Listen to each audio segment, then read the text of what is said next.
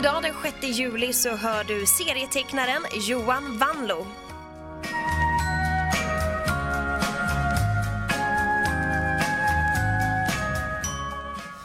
Ja, eh, jag kanske skulle ha skrivit ett manus innan, eh, känner jag nu, när vi har tryckt på den röda knappen. Men eh, ja, det här ska nog gå bra det här ändå. Jag heter Johan Vanlo och jag eh, är väl mest känd som serietecknare. Jag har varit med i eh, tidningar som DN, Ernie, GP, GT. Eh, Herman Hedning medverkar jag i regelbundet just nu. Eh, jag har även varit med i en tidning som heter Aktuell isolering som handlade om det som tidningen heter, nämligen aktuell isolering. Fräna grejer som händer på isoleringsområdet, som till exempel nya tejpsorter och nya varianter av det här gula, gula gucket som, som finns, som man har mellan, mellan väggar och sånt.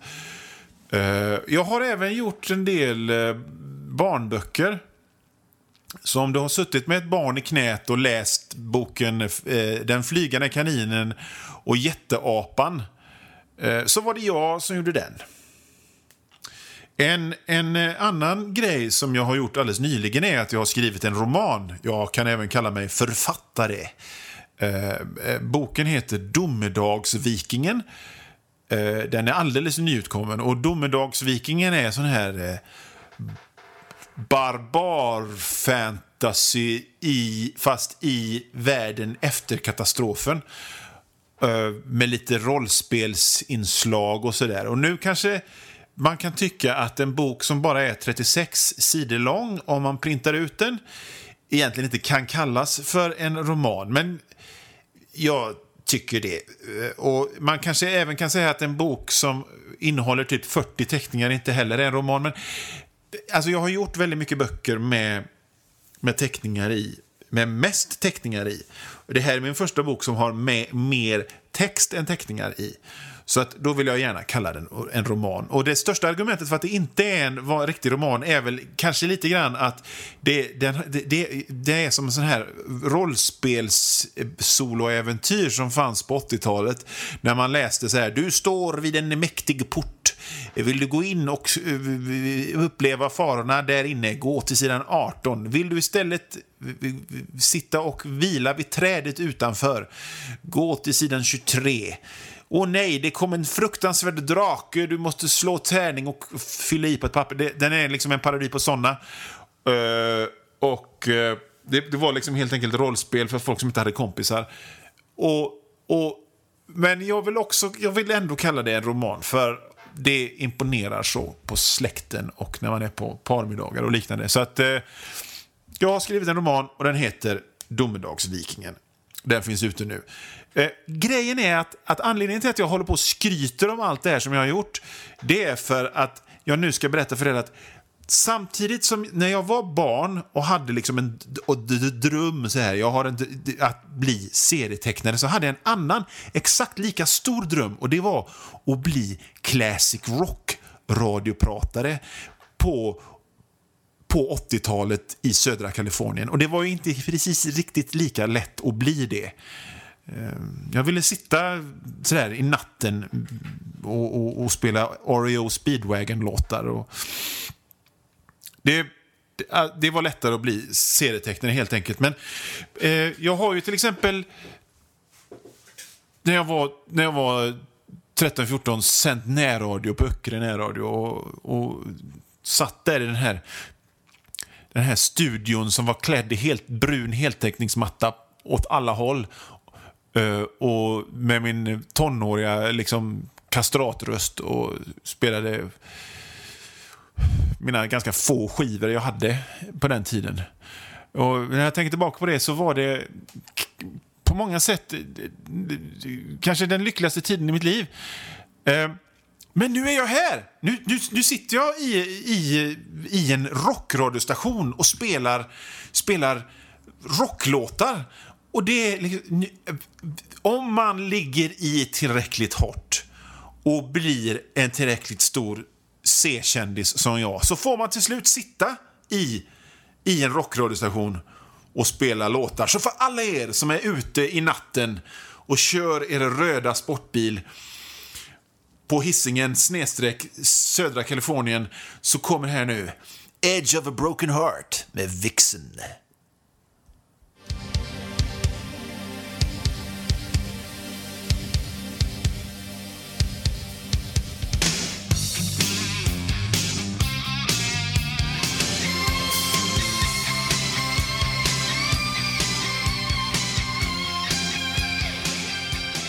Ja, men vem är jag, Johan Hugo Vanlo då, mer än bara en eh, serietecknare och barnboks och barbar fantasy-romans författare. Det är ju det vi ska ta reda på lite snabbt så att vi kan spela några goa låtar istället. Eh, och det har jag, eh, då tänker jag så här att jag eh, surfar in på en sån här sminkblogg och så tar jag de här 20 snabba frågor om mig som de gillar att svara på, på såna här sminkbloggar. Och så byter jag ut eh, sminkbloggerskans svar mot mina egna svar då. Så, ja, 20 snabba frågor om mig, Johan Hugo Vanlo. Då då. Hur gammal är du? Jag är 44 år. Om bara några dagar så fyller jag 45. Men jag känner mig verkligen inte som 45. 45 är asgammalt. Jag känner mig som jag känner mig som 37.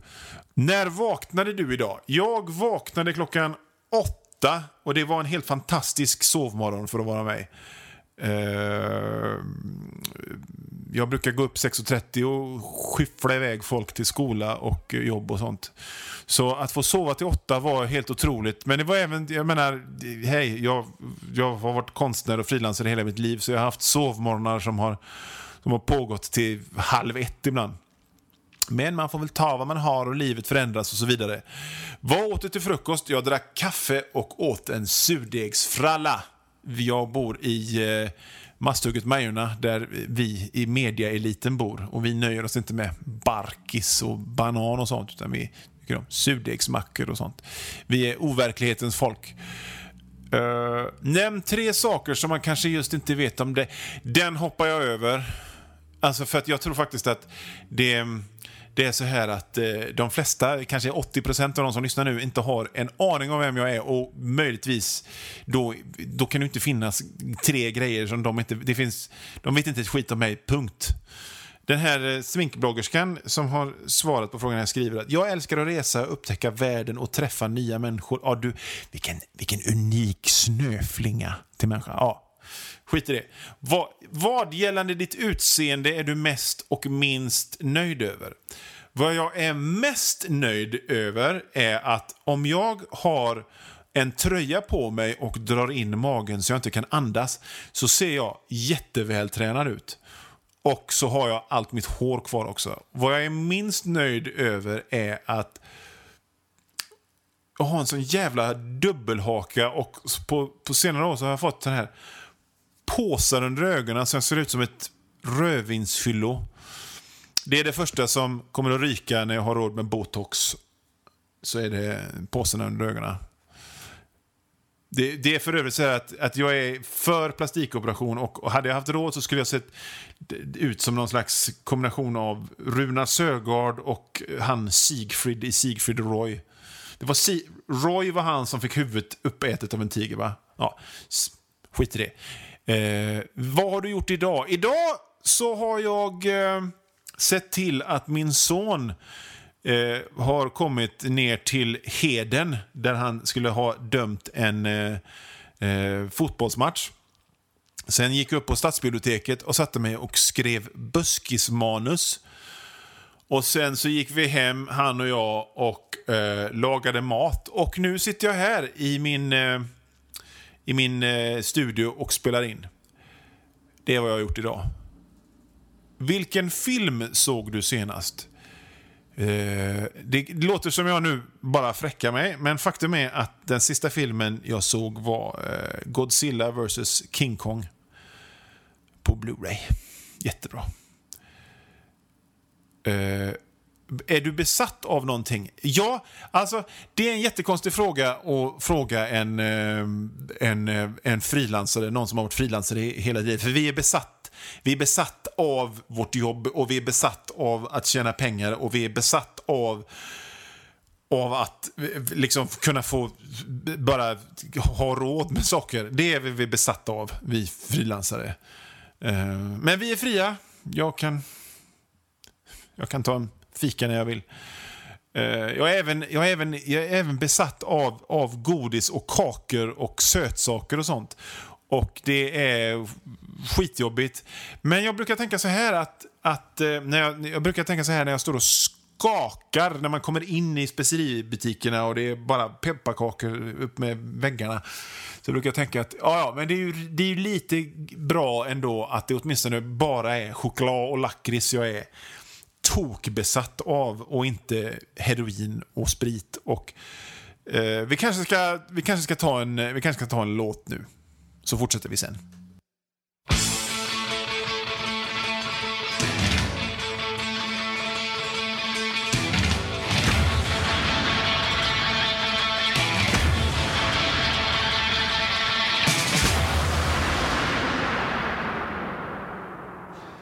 Okej, okay, vi, vi fortsätter med 20 snabba frågor om mig då. Uh, beskriv en perfekt dag.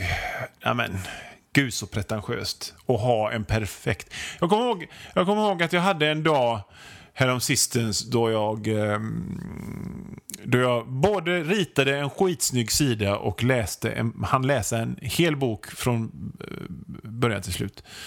Det tyckte jag var en rätt bra dag. Men perfekt, det finns inga perfekta dagar. Det finns ingenting som heter perfekt när det gäller livet. Lär er det, ungdomar. Beskriv platsen du befinner dig på just nu. Ett kontor, mitt, alltså, mitt Vanlo Entertainments kontor, högkvarter, 7,5 kvadrat. Eh, det luktar lite fot här inne nu för att jag har tagit av mig eh, skorna. Vad lyssnar du på just nu? Jag lyssnar just nu på... Har jag lyssnat? Jag har lyssnat på Holiday Road, eh, ledmotivet till eh, eh, Päron till farsa med Lindsey Buckingham jätteofta den sista tiden. Hur går du helst klädd? Jag går helst inte klädd alls. I bara kalsonger. Men eh, vet ni vad jag skulle vilja gå klädd i? Jag skulle vilja ha en sån one piece. Jag var grymt sugen på, eh, eh, avundsjuk på mina barns one piece. Men de, de fanns inte i min storlek och jag var för snål för att köpa en ändå, om det hade funnits. Så det, det skulle jag vilja ha. Jag är... Jag är den mest klädointresserade människan som finns. En del brukar säga så här att det är dags att börja klä sig som en vuxen människa. Men jag säger så här att om du kan se ut, bra ut i en brun t-shirt som jag, då. då. Är du en morgon eller kvällsmänniska? Jag är inget av det. jag, jag, var en kvällsmänniska förr. Men nu så är det så här faktiskt vid 44 års ålder att jag eh, vaknar och är trött och sur och eh, någonstans vid 21.30 så blir jag jättetrött och bara vill sova eh, också. Så att jag är ingenting. Jag är en... Eh, när mår jag som bäst? Jag bor mellan ungefär 12 och 2 på dagen. Jag är en, jag är en, jag är en 12, mellan 12 och 12, 2 på dagen människa. Det är vad jag är. Vilket var mitt bästa ämne i skolan? Det var engelska och det var eh, eh, bild. Men eh, jag hade väldigt mycket fantasilösa bildlärare i mellanstadiet som tyckte att jag skulle rita eh, bananer i skålar istället för, eh, för de rymdstrider i, som jag ville rita. Men tji fick de. Jag vann.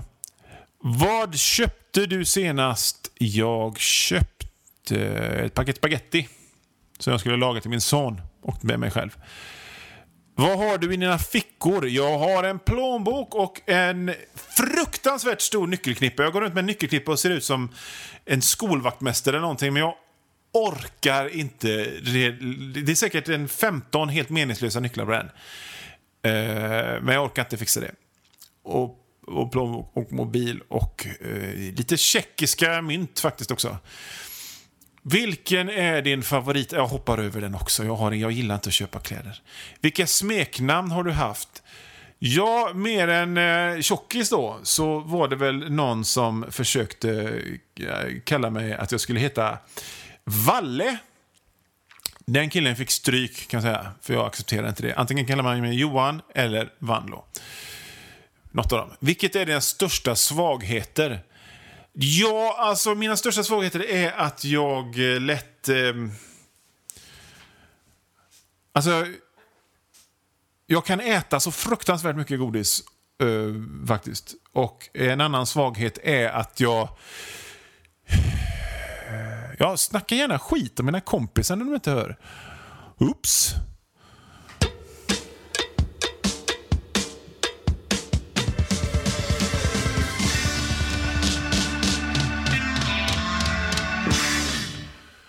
Jag är alltså 45 år och det betyder att jag föddes 1972 och det betyder att jag växte upp på 80-talet. Jag var både barn och ungdom och eh, snudd, snudd på vuxen på 80-talet. Och jag är naturligtvis väldigt påverkad av det. Grejen var att jag minns ganska bra hur det var på 80-talet. Och på 80-talet så var det ett jävla snack om 60-talet. För att de som, de som skrev artiklar på nöjessidorna i tidningarna och de som pratade i radio och så här, de, de var alla överens om att samtidens kultur, den var vidrig. Det var synd om alla oss som var tvungna att växa upp i det kulturella ödelandskap som var mitten på 80-talet för att ingenting var bra. Ingenting var bra jämfört med 60-talet. Det var... Allt var bättre. Filmer och musik och kläder och sådär. Det var, allt var bättre på 60-talet och ingenting var bra nu. Och jag var för ung då för att fatta att det handlade ju inte om att grejer nödvändigtvis, nödvändigtvis var så mycket bättre på 60-talet det var det att de som uttryckte de här åsikterna var bättre på 60-talet. Då hade de hår och fungerade prostata och ett roligare liv. För att med facit i hand så vet vi ju att 80-talet var ju helt fantastiskt. 80-talet var helt grymt. Det var, en, det var en fantastisk tid för kultur. Det var en fantastisk tid för film och musik och frisyrer. Vi hade kanske inte The Beatles, men vi hade W.A.S.P. Vi hade kanske inte paraplyerna i Cherbourg eller äh, Agent 007 med rätt att döda. Men vi hade Ghostbusters och Star Trek 2, The Wrath of Khan och American Ninja. Och vi hade Double Dragon arkadspel och kaststjärnor i fickorna. Jag såg kanske inte Rolling Stones i Möghyttans Folkets park 1964, men jag såg 220 volt på Liseberg 1984. Och grejen, gre, alltså grejen är inte så här att jag är på något sätt är nostalgisk. Jag längtar inte tillbaka. Jag ser väldigt sällan tillbaka på saker. Och jag tycker att jag har det på alla sätt bättre nu. Men vad jag, vill, vad jag vill säga med den här långa jävla tiraden är att... Och jag vill säga det till alla som är lika gamla som mig och jag vill säga det till alla som är unga. Att låt ingen annan människa få övertyga dig om att du lever i något annat än en gyllene epok. Okej? Okay? Vi, vi tummar på det. En gyllene epok. You got the touch. You got the power.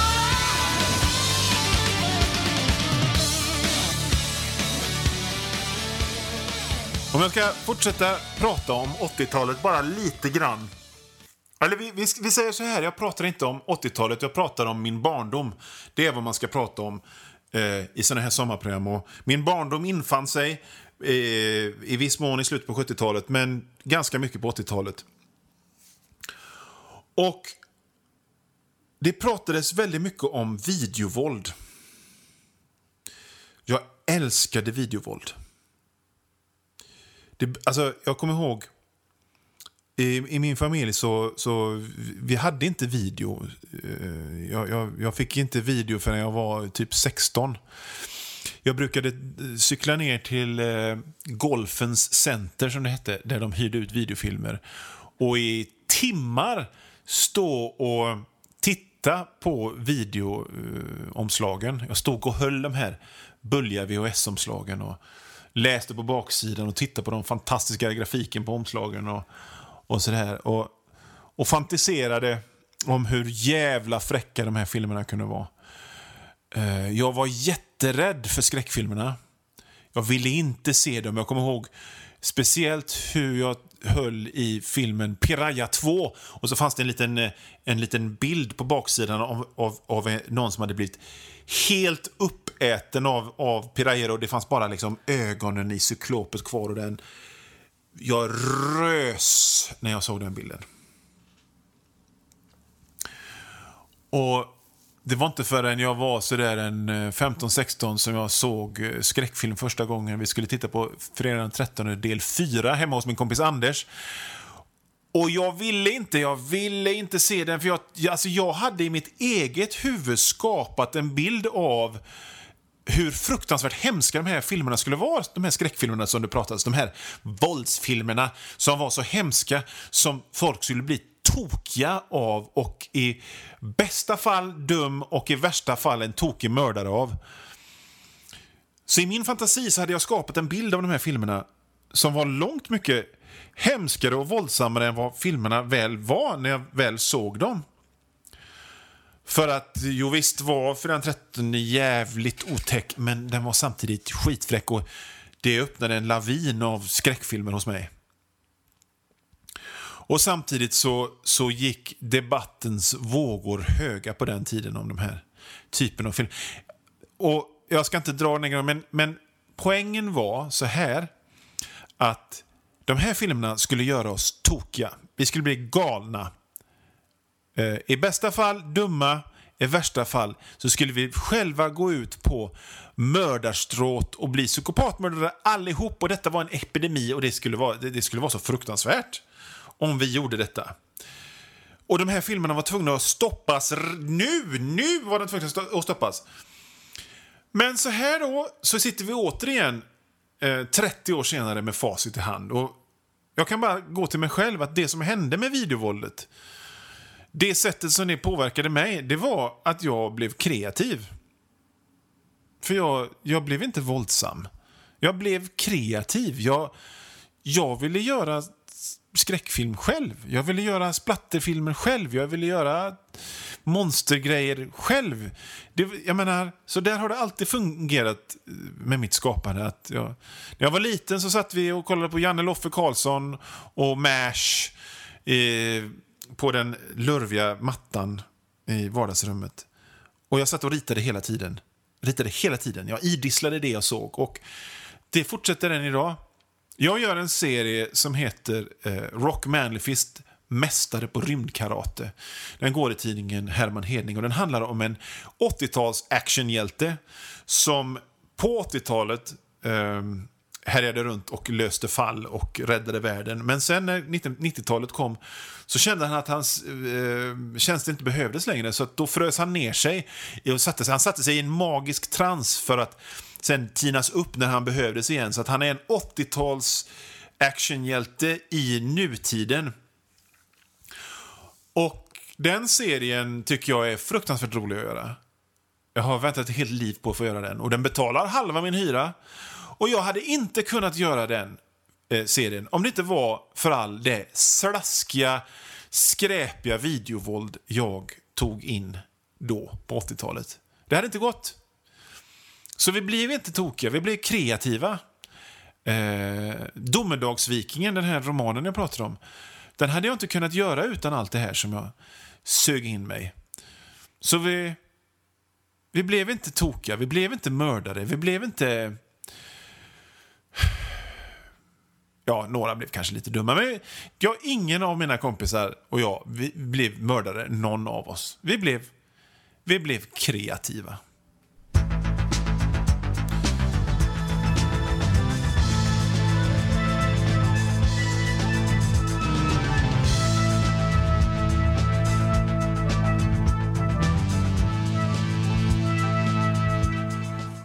Ja, en, en annan jävligt dum teori i rakt nedstigande led är den här att, som jag fick höra jättemycket när jag var yngre, från lärare och andra vuxenkontakter.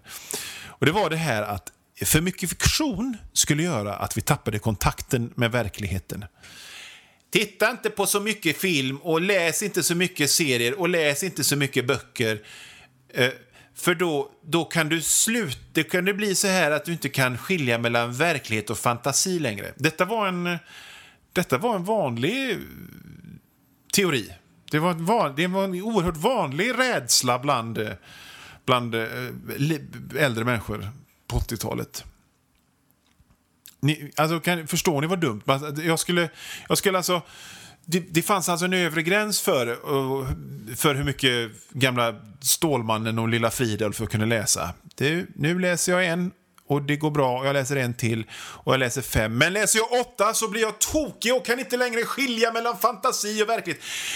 Det är inte så. Vi, alltså det finns så mycket dumma jävla grejer jag fått höra. Jag skulle bara vilja bara visa dem som sa detta. Titta här, här har vi facit. Det du sa var dumt. Säg nu, säg nu att du hade fel, att det var dumheter. Men det, gör, det går inte för att de är i många fall senila och döda. Ja, alltså, snacka om att inte kunna skilja mellan fantasi och verklighet.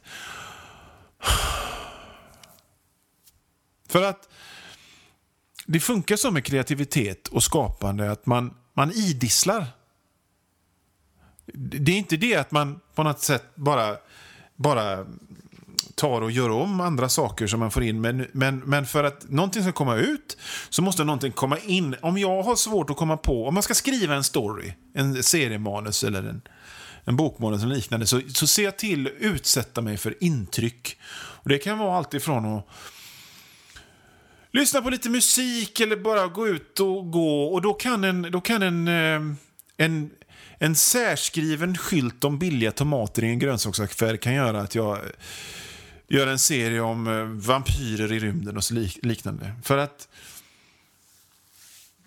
vi behöver intryck. Det är det vi behöver. Och, man blir inte tokig av för mycket, eh, för mycket fiktion. Och det här är ju ingen ny idé på något sätt. Utan det här, redan på 1600-talet så raljerades det över, över kvinnor som läste romaner och över hur, hur de tappade kontakten med verkligheten ifall de läste för mycket romaner. Och jag läste en gång en, eh, en intervju med, med hälsan själv, Ozzy Osbourne, eh, där han eh, skrev, eller där han sa att det inte är nyttigt med MTV för att det är inte nyttigt att lyssna på så mycket musik i i så många timmar i rad. Och detta sa alltså Ozzy Osbourne som har knarkat allt knark och druckit all sprit och ätit levande fladdermöss. Han kom. Vet, vet ni vad? Vi ska liksom inte lyssna på Ozzy Osbourne. Uh, I alla fall inte vad det gäller liksom, tips om, om hälsa, tror jag. Nej, det ska vi inte.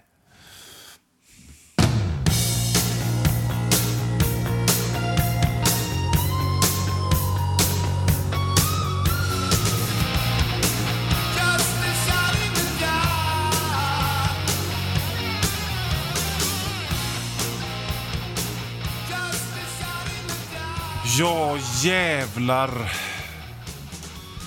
Fastän ni sitter och lyssnar på det här, förmodligen i en bil en, eh, som kostar rätt mycket pengar, så ni kan tanka när som helst. Uh, och köra till kanske ett jobb eller kanske hem sen. Så, så, så, så håller det ju faktiskt på att kollapsa allting. Uh, konstigt nog så är det många som tycker det. Uh, att att Mad Max-samhället står bara liksom... Det, det, är frågan om, det är frågan om kanske bara några dagar. Några dagar innan det är zombie-apokalyps. Och vansinne. Men... Alltså, jag tycker ju inte det egentligen. Utan, utan jag tycker väl att om det finns vatten i kranen och internet och att man kan, att man kan rösta. Att man har friheten att göra vad fan man vill egentligen om man inte typ är fysiskt sjuk eller någonting sånt där. Så är det liksom inte någon kollaps. Aleppo, där kan man snacka om kollaps.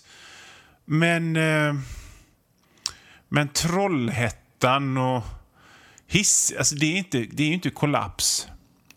Utan vad jag tror är att det kan vara så att, att folk har haft det så jävla bra. De har varit så fruktansvärt privilegierade och haft det så fantastiskt bra att det räcker med att posten lägger ner för att man ska genast tycka att nej, det var bättre för allt var bättre för allt var bättre. Det fanns ett skämt i serien, serien Bloom County som heter Opus på svenska.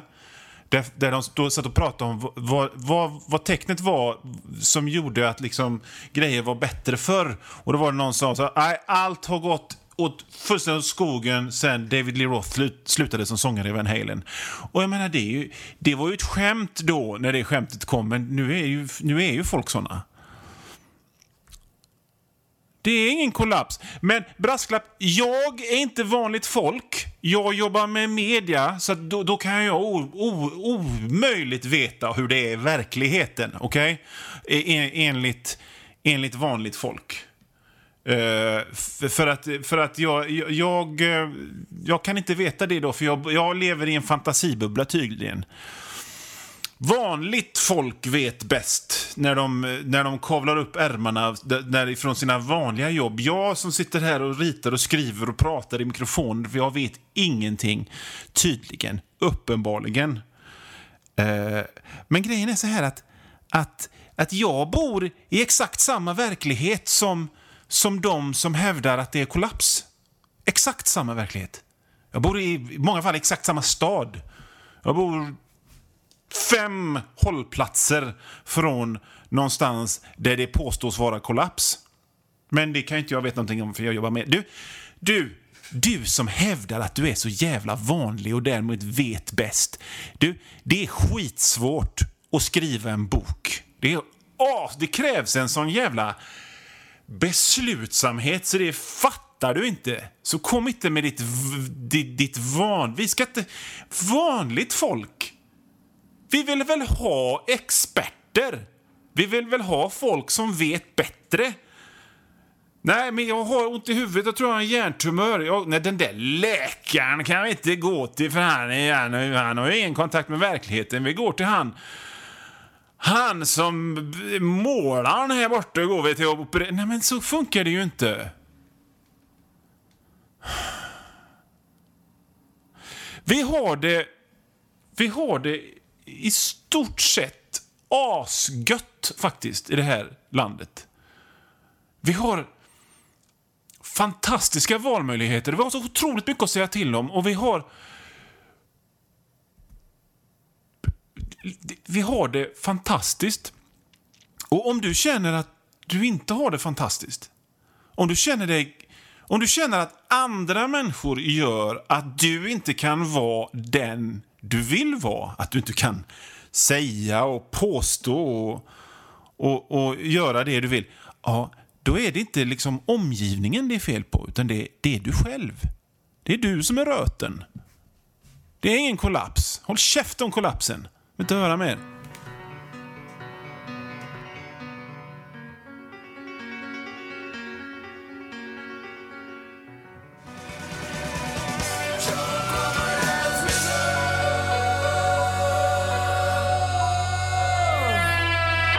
Någonting jag som serieskapare får höra rätt ofta det är att nu, nu får man eh, passa sig för att eh, eh, och akta sig för vad man säger här nu för att annars blir det väl en serie av, av det vi säger nu. men men eh, nej. För att eh, den hemska sanningen är ju att folk är sällan så roliga som de tror. Du vet, dricka öl på en onsdag, det är inte så jävla crazy egentligen. Att när det är fest, ta på sig en, en lustig eh, peruk och, och, och, ha en låtsascigarr, det är inte så himla... Det är inte så roligt. Att, att när det till exempel är sådär en större fest med, i en hyrd, hyrd lokal i någon eh, bostadsrättsförening och står där och drar 15 år gamla rallyrutiner i mikrofonen. Det, det, är inte, det är inte så jädra roligt. Så att risken är väldigt liten att jag någonsin skulle inspireras av någonting som, ja, typ du säger. Eh, och göra en serie av det. Det är helt riskfritt att hänga med mig. Jag föredrar att komma på grejer själv, för jag tycker faktiskt nämligen jag är jag är roligare än de flesta. Men nu då så ska jag säga emot mig själv, för här kommer... Jag ska nu dra tre exempel på, på människor som jag faktiskt har träffat och jag har gjort serier om. Eh, den första är den minst omtyckte arbetskamraten. Uh, hette en serie som jag gjorde i tidningen Larsson. Och Den är baserad på en, uh, en person som, uh, som var... Han var oerhört pompös. Han tittade liksom med halvslutna ögon ner för näsan och, och, och pratade så här hela tiden. Han var oerhört pompös och en besserwisser och ingen tyckte om honom. Och, och Han hade tjocka glasögon och krulligt hår. Men grejen var att han tyckte han själv var väldigt mycket en, en, en ladies man. Han var en, en, en, en vivör och en charmör utav Guds nåde. När, när alla visste att han satt och tajade framför internet med, med en, eh, hämtmaten hela helgerna. Honom har jag gjort serier om. Han är, han är lite även baserad på några andra rätt pompösa personer jag känner. Uh, en annan snubbe som jag gjorde en serie om, det var uh, uh, hemma på Hönö där jag är uppväxt så fanns det en videoaffär som var liksom kombinerat med ett slags café, snabbmatsställe där eh, ungkarlarna brukar hänga och vi ungdomar då brukar hyra videofilmer. Och Rune då, som han hette, han, han var väldigt speciell för han strök omkring inne bland de här videofilmerna och, och, och tipsade om videofilmer. Men hans kriterier för en bra videofilm, det var hur lång den var. Och det hörde ihop med att han var så jävla snål. Så att en film som var tre timmar lång kostade lika mycket som en film som var en och en halv timme lång Alltså ansåg han att han sparade pengar ju längre filmer han hyrde. Så att om han hittade till exempel en sån här miniserie på tre timmar så var han jätteglad. Skit i om den var bra eller inte. Och man kunde ofta höra honom hur han hur han liksom lite aggressivt sådär gick runt och sa hyr Borta med vinden istället, den är tre timmar lång. Och, Nej, jag, jag vill hellre se... men den är tre timmar lång! Ja, men jag, vill, jag ville se den här, jag ville se, jag se Terminator. Den är bara en och en halv timme, den är, bort med vinden, den är tre timmar lång! Honom har jag gjort eh, serier om vid två eh, tillfällen. Sen, en, en tredje person som jag har gjort serie om, det var eh, en gammal kompis som, som sa samma sak varje gång man träffade honom. Eh, jag umgicks med honom i flera år och han, han sa alltid samma två saker. Och det var det enda han sa någonsin. Han, han upprepade sig alltså. Han, han sa det i, i en och en halv, två timmar. Eh, men han, han pratade alltid om hans majonnäs honungen. Det var hans stående skämt. Att istället, för att säga hans majestät konungen så sa han hans majonnäs honungen. Och när han sa honungen så, så kunde han liksom inte hålla sig för skratt själv. För han var så jävla rolig. Och sen så när han hade dragit den grejen tillräckligt många gånger så började han prata om hur svårt det var att bygga ett eh, utedass. Och detta visade han med foton om detta utedass han hade byggt. Uh, uh, den där grejen, och egentligen bara ha två grejer som man säger och två skämt som man återupprepar. Det är rätt, det är rätt vanligt. Jag kommer ihåg min, min morfar var det väl. Han hade alltid samma skämt och det var... Det var eh, vet du hur den eh, pratar engelska Johan? Nej, det vet jag inte. Stappar en betäda i mungiven. Det skämtet körde han varje gång jag träffade honom. Och Sen hade jag en kompis vars pappa alltid körde den här flexnäsgrejen med, med, med, med tandborst, tand, han är tandläkare. Jalla börre går jag! Alltid, alltid samma skämt.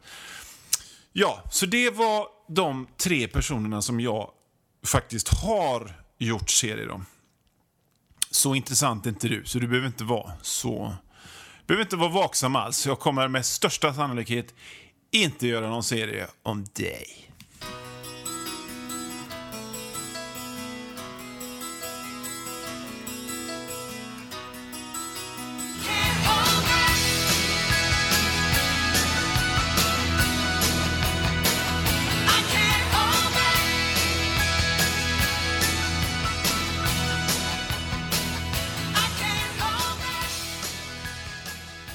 Jo, jag Eh, jobbar ju mestadels som serieskapare och som de flesta andra serieskapare så läser jag ofta jättemycket serier själv. Jag tycker jag är fortfarande ett fan av själva serieformen, annars hade det varit jädrigt konstigt.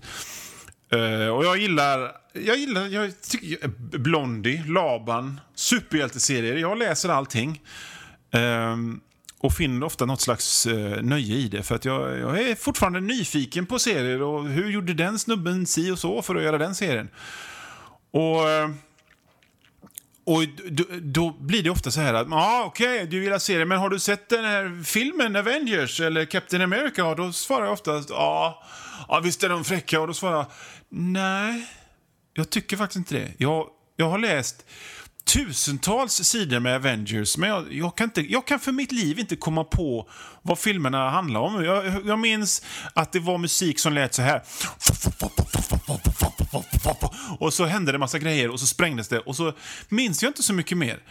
Uh, för att de där filmerna är alltid... Det är liksom en massa coola grejer som händer i dem, men de är aldrig spännande. Och jag tycker väl att det minsta man kan begära av en actionfilm, det är väl lite lite vanlig jävla spänning, va? Eller hur? Och sen så gillar jag inte heller att till exempel, det är så, Captain Americas dräkt är skitfräck. Det är en av mina favoritsuperhjältedräkter.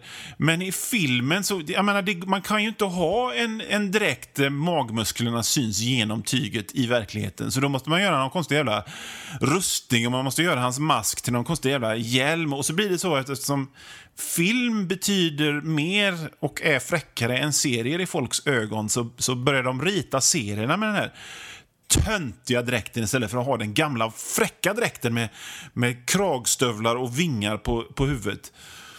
Så jag, jag tycker inte om de där filmerna alls. Och för Vi ska inte snacka om de här tv-serierna, för de klarar jag av att titta på i en minut innan jag blir helt vansinnig över och bara tänker, men den där skådisen, han är väl född på 90-talet eller någonting. Det går väl inte att titta på det? Det går väl inte att ta på allvar?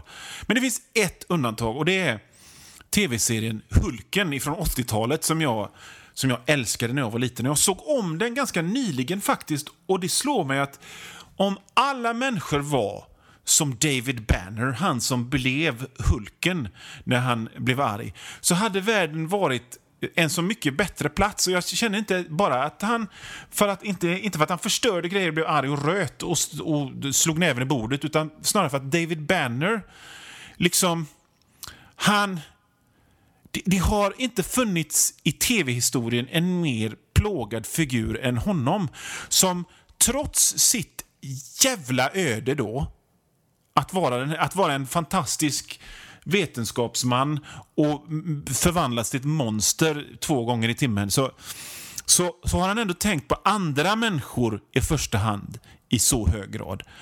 Allt han vill ha lugn och ro så att monstret inte ska komma fram.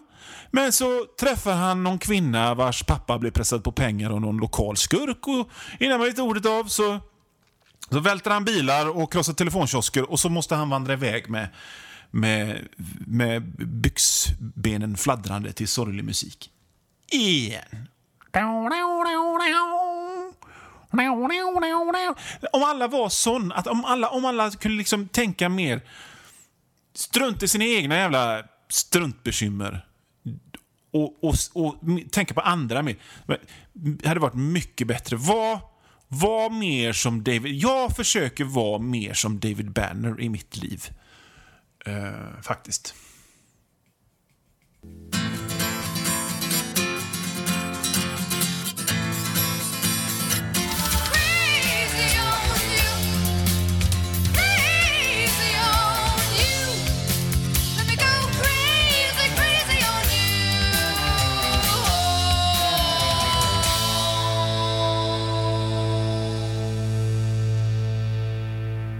Jag bor i Göteborg.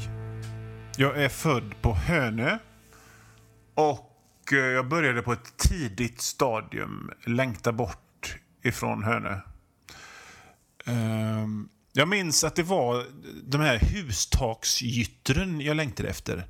De här punkterna där hustak av olika stil och höjd möttes och bildade liksom labyrintartade geometriska mönster och former. Jag minns, jag minns hur jag kunde stå och titta på dem skitlänge varje gång jag var, hade tagit färjan in tagit en av de här flytande gula pissoarerna ifrån Hönö in till, till stan. Tagit bussen också förstås, får man göra. Jag minns att jag kunde stå och titta på dem där, och framförallt på hustaken på Nordhemsgatan. Jag blev nästan som hypnotiserad av dess skönhet, de här hustaksgeggan. Sånt fanns, sånt fanns inte på Hönö. Det fanns, det fanns eh, villor och radhus. Eh, ett och annat större flerfamiljshus. Och eh, möjligtvis någon gammal skola eh, som gjorts om till bostadshus där socialfallen bodde. Men inga hustaksgytter alls. Ja, i alla fall. Nu, nu har jag bott i stan. Nu har jag, jag flyttade, jag kom ifrån Hönö och jag flyttade in till stan. Och nu har jag bott här i stan i eh, över 20 år. Och det, det är inte så ofta som jag tänker på de här gyttren av hustak längre. Jag, jag tänker egentligen faktiskt oftare på vad det är som håller mig kvar här. Och jag försöker liksom bena upp anledningarna och det blir faktiskt inte speciellt många kvar. För att när jag inte jobbar hemifrån, från köksbordet, så, så går jag till ett kontor som ligger 200 meter bort. Och det är egentligen så sällan att... Äh, jag tar mig så sällan ifrån längre från min bostad än en kilometer att varje gång jag sätter mig till exempel på, på spårvagnen för att åka till typ Nordstan eller något så känns det så lite grann som ett äventyr.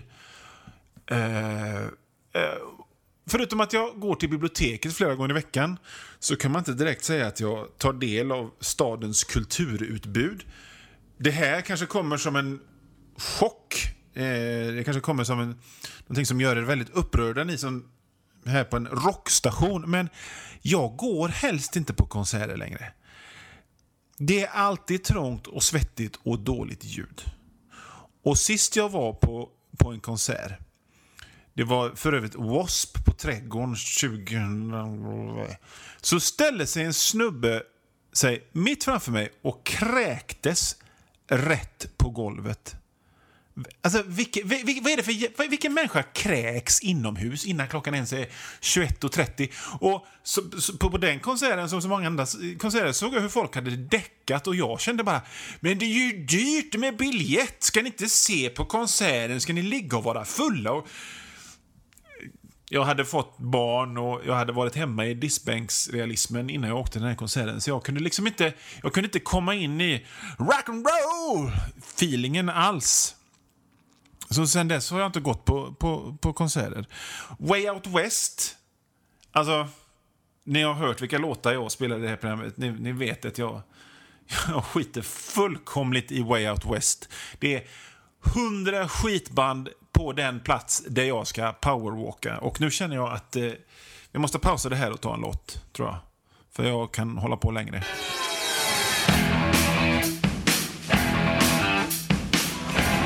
She comes from me. She's got my life in her hands. Lady of the. Ja, var var vi någonstans? Eh, jo, ja, alltså det finns inga skivaffärer kvar. Eh, det, är, det, det, det, det är snart tio år sedan den där lilla butiken där jag köpte mina senaste Marvel-serietidningar stängdes. Eh, för att den skulle ge plats åt en verksamhet som hyrde ut plastväxter till kontor. Och en tydligare illustration över ordet kulturskymning kan jag faktiskt inte komma på. Eh, alla antikvariat har stängts och ersatts av, av typ cykelaffärer. Jag förstår det inte. Hur, hur, hur, kan man, hur kan man vara intresserad av cyklar? Är inte cykling ett nödvändigt ont? Alltså jag, jag ber om ursäkt till alla som cyklar där ute och ni vet att jag är en miljömupp också som tycker att, att man inte ska köra så jävla mycket bil heller. Men, men, men varenda antikvariat och var, liksom en cykelaffär i varje hörn. Det är ju inte klokt.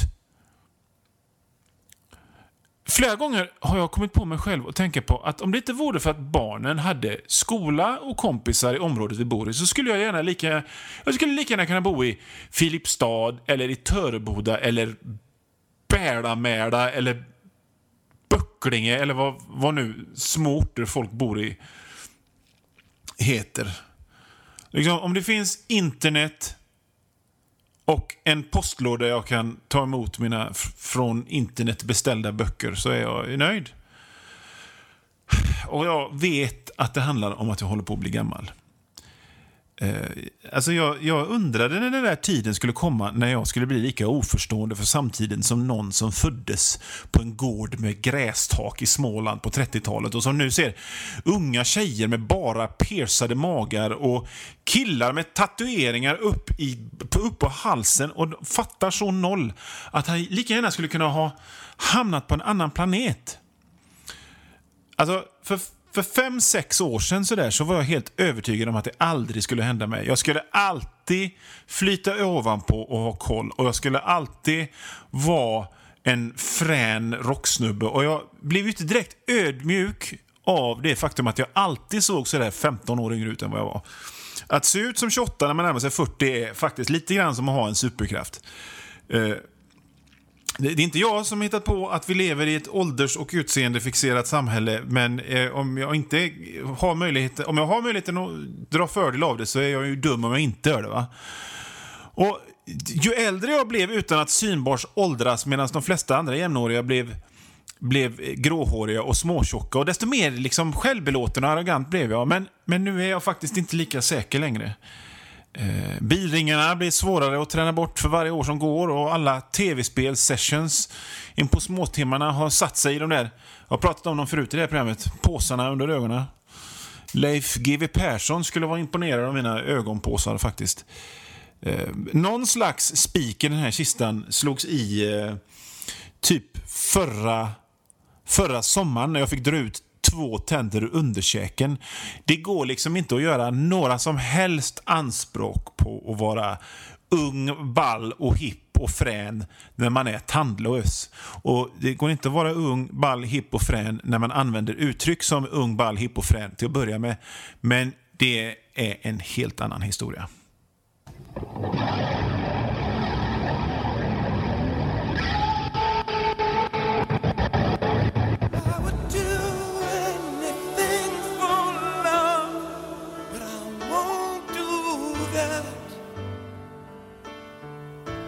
Know I want to that. Jo då, så tiden hinner ikapp även mig. Och eh, jag vet faktiskt inte om jag tycker det är speciellt jobbigt. Jag har nog blivit så gammal så att jag tycker inte ens det är jobbigt längre. Jag bara konstaterar att det sker. Och det, om man ska beskriva det så är det lite grann som i en skräckfilm. Ni vet när en, när en slags sporer, någon slags illvillig gruppmedvetande i sporform från yttre rymden kommer ner och tar över massa folk. Först en, sen två, sen många och gör dem till viljelösa zombies. Men det är en liten, liten, liten, liten grupp som fattar vad som händer och som flyr och som gör motstånd, men en, en efter en så faller de offer för den här kollektiva medvetande rymdsmittan. Och till slut finns det bara en eller två kämpar kvar som med ryggen mot väggen siktar med ett skraltigt gammalt jäktgevär mot sina forna, nu rymdsmittesmittade vänner som med ett otäckt leende sträcker fram handen och säger Bli en av oss. Det är skönt. Och det är det. det. Det är så himla skönt att slippa göra grejer unga människor gör. Det var så fruktansvärt ansträngande att vara ung. De jävla kraven man hade på sig. Som ung vill jag aldrig ha tillbaka. Alltså, vad, vad ska jag med koll till? Vad, och, och vad ska jag bo mitt i stan för? När jag ändå tycker att Andra Långgatan en lördagkväll mest liknar någon slags jädra hipster-zombie-apokalyps. Sånt tänker jag på när jag vandrar på de här gatorna som jag en gång längtade till ifrån Hönö.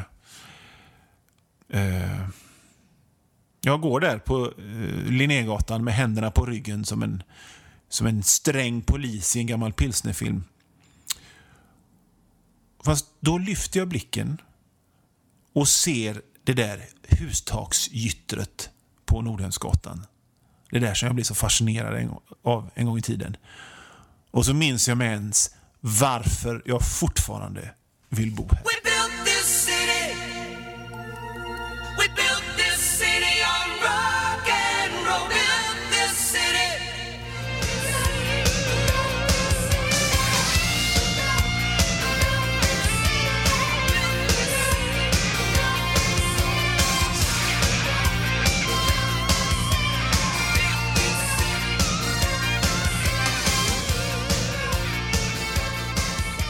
Nej, jag älskar den här stan när allt kommer omkring. Och det här med att flytta till någon liten mindre ort, det är nog inget annat än någon slags liten, liten släng av självskadebeteende. Och ju mer jag tänker på det så...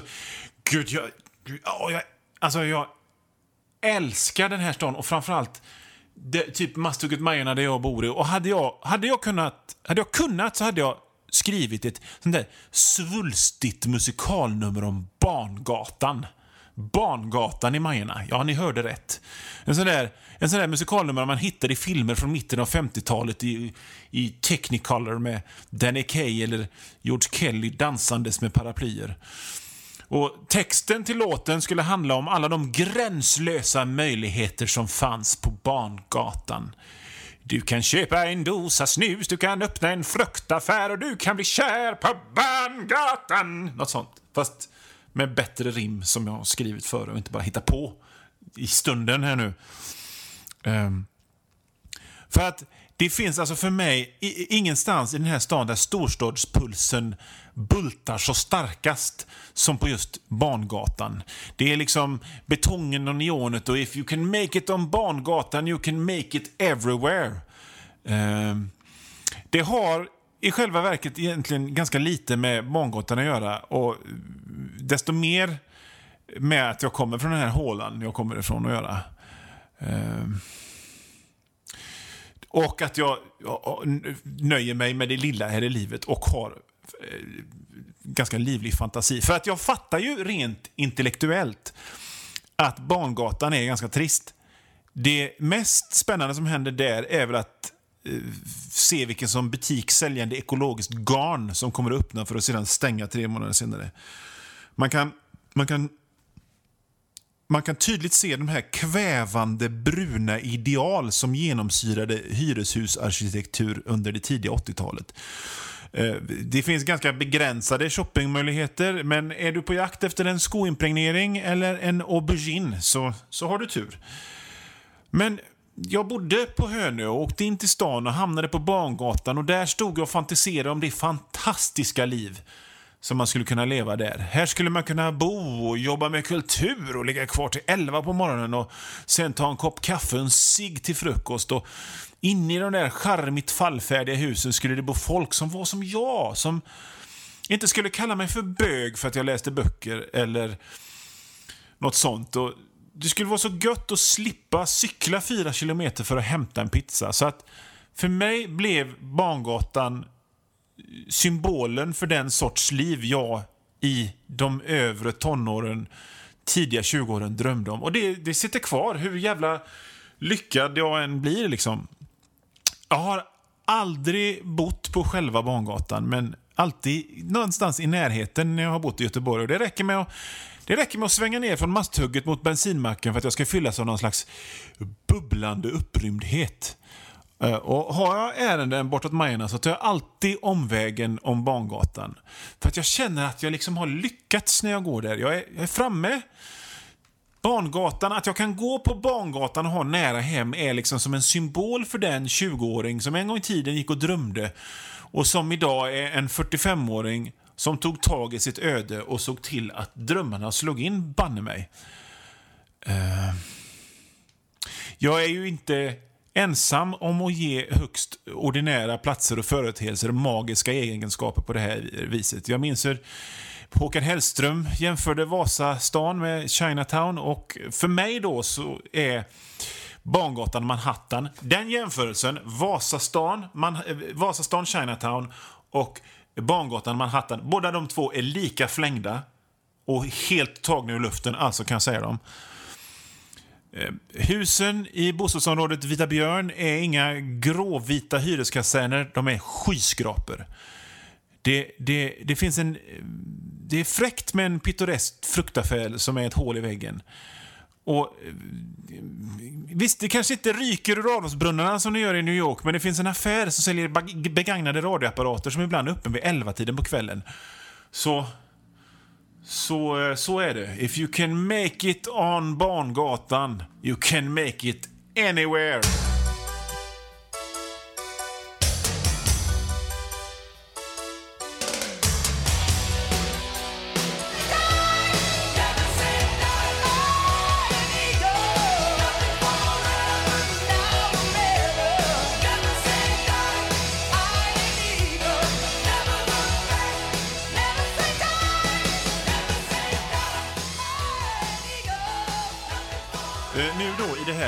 Sommarprogrammets sista skälvande, vad det nu är, för jag har inte haft koll exakt på minuterna, men typ fjärdedel, så slår det mig att jag har inte pratat så mycket om serier. Jag har pratat lite grann om serier, mina serier, men, men grejen är ju att jag älskar ju serier och nu har jag chansen att få prata i ett massmedium om serier som jag älskar så himla mycket så borde jag ju ta det, eller hur? För grejen är när jag tänker tillbaka på min ungdom så tänker jag mer på, eh, på, på serierna jag läste i min ungdom än vad jag tänker på musiken jag lyssnade på. Så, så låt, oss, låt oss prata serier en stund. Det, jag tycker så här att serier har ju kommit en lång väg eh, under min livstid. Men det här att serier blev en etablerad kulturform var nog fan det värsta som kunde hända. Det var, det var liksom bättre när serier var någonting som eldades upp av bibliotekarien och det var bättre när serier var något som den där lite långsamme kusinen läste, mödosamt stavandes med öppen mun. Och det var bättre när serier var vidrig amerikansk kulturimperialism som spyddes upp ur gapet på den fascistkapitalistiska utsugarhydran. För då var, var serier farliga. De betydde något. Det är som rockmusik. De köptes och lästes och slängdes och liksom perkulerade i hjärnan på läsaren. Seriekulturen var någonting levande, organiskt och det var på riktigt. Idag är det ingen som blir upprörd över serier överhuvudtaget. Och eh, eh, vet ni vad det betyder? Det betyder att ingen bryr sig. Jag tror nog, tänk, tänk på Blackie Lawless. Han var nog, han var nog gladare när, när folk eh, anklagade honom för allt ont som hände ungdomen. Än nu då när han säger att ja, så trevligt. Eh, snäppet ovanför Ove Törnqvist i ren nostalgi vibb. Ja. Och jag anklagar dig, seriefrämjare, organiserad eller inte, för att ha släppt ur kolsyran ur något som en gång i tiden var jävligt häftigt. Ni tog ett oerhört kraftfullt massmedium och reducerade det till ett specialintresse i stil med, med brevduveuppfödning eller minnestallrikssamlande. Ni vet, sånt som töntar håller på med. Fördömde er med ert serier är minsann inte bara för barn längre. Med ert Titta hit bibliotekarier, här är en fint målad serie om stenåldersmänniskor som är lärorik och snygg. Med ert Spindelmannen-filmen har spelat in jättemycket pengar. Det är så oerhört sorgligt för att en gång så användes serierna till någonting. Det var ett sätt att döda en långtråkig söndag i 70-talets tråksverige. När två statskontrollerade tv-kanaler pumpade in ren tristess i vardagsrummet så kunde i alla fall Jack Kirby Han som ihop med Stan Lee uppfann Marvels universum. Sätta eld på din hjärna. Är du sugen på lite krig? Lite skräck? Vad sägs om västern? Lite kärva västernhjältar, är det vad du vill ha? Kanske lite romantik? Vilken sorts romantik vill du ha? I stallmiljö? Eller lite shaker i öken och sånt? Det fixar vi, vet du. Vi har serier i driver åt dig. Det är bara att välja och vraka. Och så var, så var det förr. Så är det fan inte nu. Vi tar en låt på det.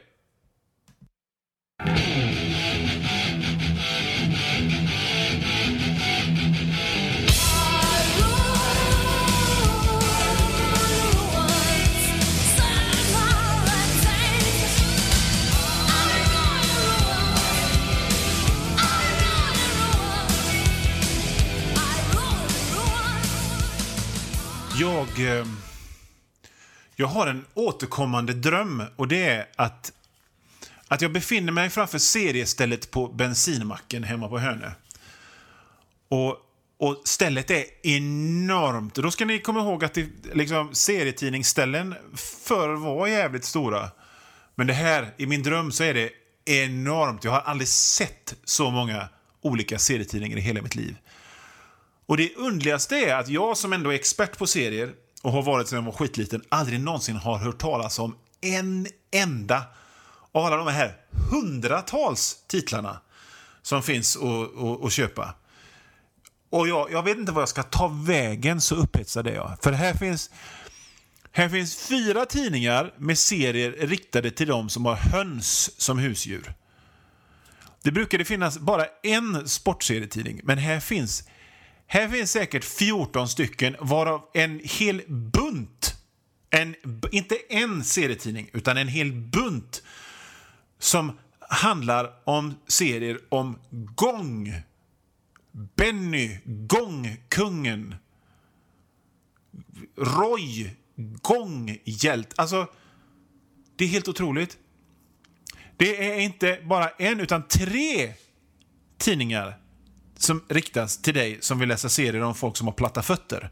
Här finns en informationsbroschyr i serieform som handlar om hur man absolut inte ska klä sig som Carmen Miranda i händelse av kärnvapenkrig. Det är, det är ett sammelsurium av misspassat fyrfärgstryck och dassigt papper. Och den gloriösa skräpigheten känns i hela kroppen. Jag vill, jag vill ha dem allihop. Jag, jag är så oerhört nyfiken på serierna i tidningen Mitt sjö, sjölejon att jag känner blodsmak i munnen. Och det är någonstans där jag, jag brukar vaka, vakna. Uh, och vaknar till att nej, serier, det är som det är. Som det, det är liksom lite, lite roligt, lite töntigt. Och folk säger åt mig så här att Ja, ja, men, men det finns ju på nätet finns det serier, men Ja, ja, jag vet, det finns serier på nätet och mina serier är ganska populära på Instagram och sådär, men men det är ju ändå trycksvärta och dassigt papper. Åh, det är ju liksom det som är, i alla fall för mig, seriernas slutpunkt. Inte att scrollas förbi i Facebook, utan som ska öppnas och omslaget ska läggas bakom och det ska läsas på rygg på papper. För det är det som är grejen och jag vet att det är nostalgiskt jävla joller. Men fan, jag skulle vilja... Jag, jag, om, jag skulle, om jag fick välja hur jag begravde så skulle jag vilja malas ner i pappersmassan och så skulle jag vilja återfödas som kalanka pockets Det är vad jag skulle vilja ha. Så mycket så mycket älskar jag serier och, och geggig skräpighet. Det är så jävla härligt. Och jag älskar också rock'n'roll. Okej, okay. det var det jag hade att säga. Jag heter som sagt Johan Vanlo. Kolla efter mina böcker, speciellt Domedagsvikingen. Eh, följ mig på Twitter och Instagram och såna grejer. Facebook har jag bara mina kompisar. Eh, det har varit jätteroligt det här. Ehm. Ha det bra!